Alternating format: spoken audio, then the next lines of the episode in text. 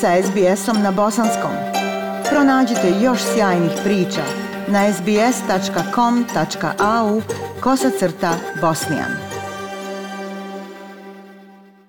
Slušate program SBS radija na bosanskom jeziku. Govorimo o žalbi Juliana Assangea na odluku Velike Britanije o njegovom izručenju u Sjedinjene američke države. Supruga Juliana Assangea i njegov pravni tim pozivaju australsku vladu da interveniše u slučaju njegovog izručenja. Obje grupe su odgovorile na najnoviji razvoj događaja u slučaju izručenja gospodina Assangea. Prilog Hanek Won. Pravni tim Juliana Assange brzo kreće sa žalbom na odluku britanske ministrice unutrašnjih poslova Priti Patel da odobri izručenje osnivača Wikileaksa Sjedinjenim državama. Vlasti Sjedinjenih američkih država traže gospodina Assangea po 18 tačaka optužnice, uključujući špijunažu i hakiranje, a povezanih sa objavljivanjem povjerljivih američkih vojnih dokumenata vezanih za sukob u Afganistanu.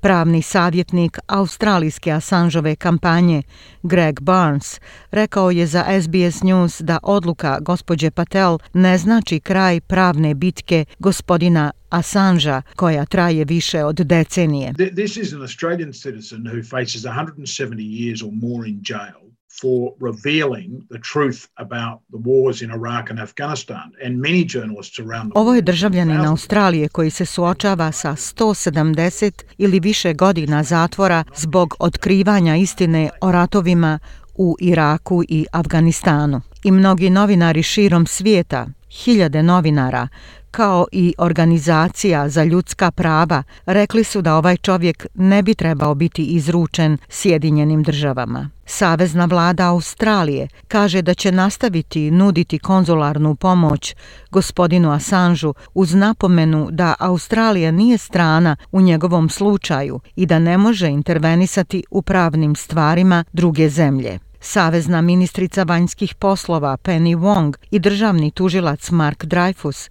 zajedno priznaju odluku Ujedinjenog kraljevstva uz napomenu da gospodin Assange ima nekoliko načina na koje može uložiti žalbu na odluku. Senatorica Wong i gospodin Dreyfus kažu da će, navodimo, nastaviti provoditi očekivanja da gospodina Assange ima pravo na odgovarajući proces, human i pošten tretman, pristup odgovarajućoj medicinskoj njezi i pristup svom pravnom timu. Pravni savjetnik Greg Barnes kaže što se slučaj duže odugovlači, to je više bojazni za njegovo zdravlje. He's been now detained certainly firstly at the Ecuadorian embassy and then secondly now in Belmarsh prison for a decade. Sada je zatočen. Prvo u ambasadi Ekvadora, a zatim sada u zatvoru u Belmarsh, što je već jedna decenija. A nijedno ljudsko biće ne može izdržati takvu vrstu patnje koju on trpi. Sada poteškoća postoji sa Sjedinjenim američkim državama,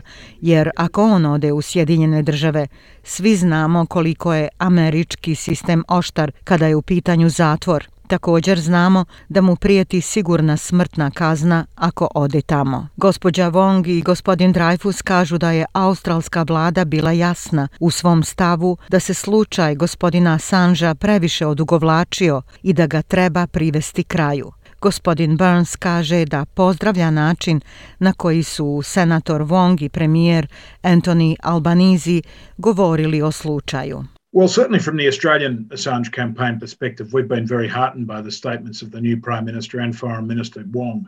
Pa svakako iz perspektive australske Assangeove kampanje bili smo veoma ohrabreni izjavama novog premijera i ministrice vanjskih poslova Wong, jer ono što su oni pokazali je da su shvatili potrebu da se uključe u ovaj slučaj i pomoć australskom državljaninu kojem prijeti preko 170 godina zatvora zbog objavljivanja informacija o ratnim zločinima Sjedinjenih američkih država još 2010.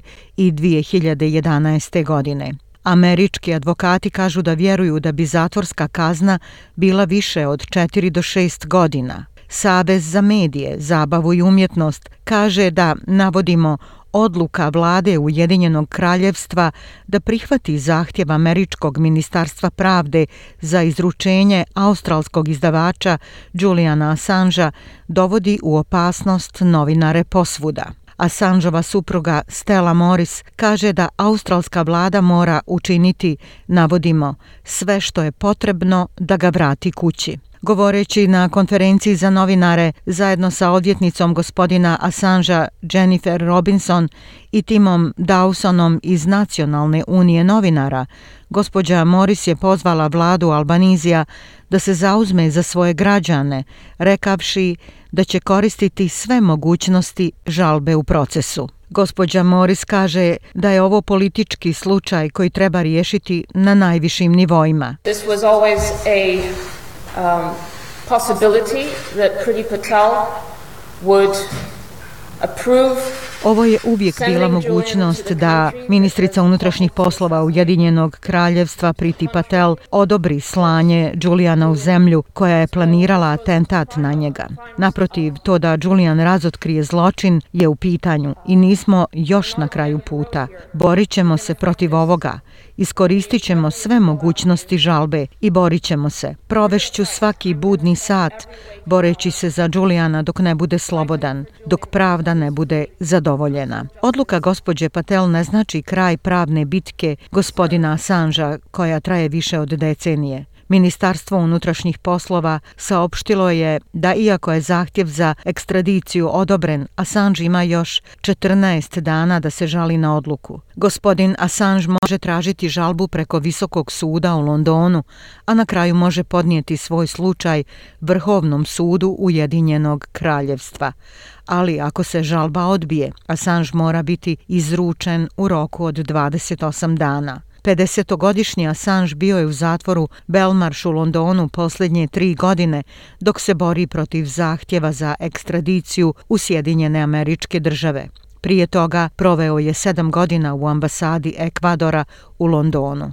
2010. godine Švedska je pokrenula postupak tražeći izručenje gospodina Assangea zbog optužbi za seksualne zločine, ali je od tada odustala od sudskog postupka. Gospodin Barnes kaže da mora postojati rješenje. I've been around this case now for almost a decade and that's a decade too long. Uh, and I'm just concerned for Julian's continued uh, mental and physical health. U ovom slučaju sam skoro deceniju, a to je deceniju predugo. I samo sam zabrinut za Julijanovo mentalno i fizičko zdravlje, za njegovu porodicu, a posebno njegovo dvoje male djece i njegovu suprugu Stelu, ali i za njegovog oca s kojim radim više od deset godina i naravno njegovog brata. Znate, on je ljudsko biće na kraju ovog slučaja i to je ono što je najvažnije. To je slučaj izručenja i kao advokat znam da to nije normalan slučaj ekstradicije. To je slučaj koji treba biti riješen na političkom nivou zbog niza razloga, ali isto tako, što je najvažnije, treba ga riješiti iz humanitarnih razloga. Ja sam Aisha Hadži Ahmetović. Ostanite uz program SBS radija na bosanskom jeziku. Like, share, comment. Pratite SBS Bosnian na Facebooku.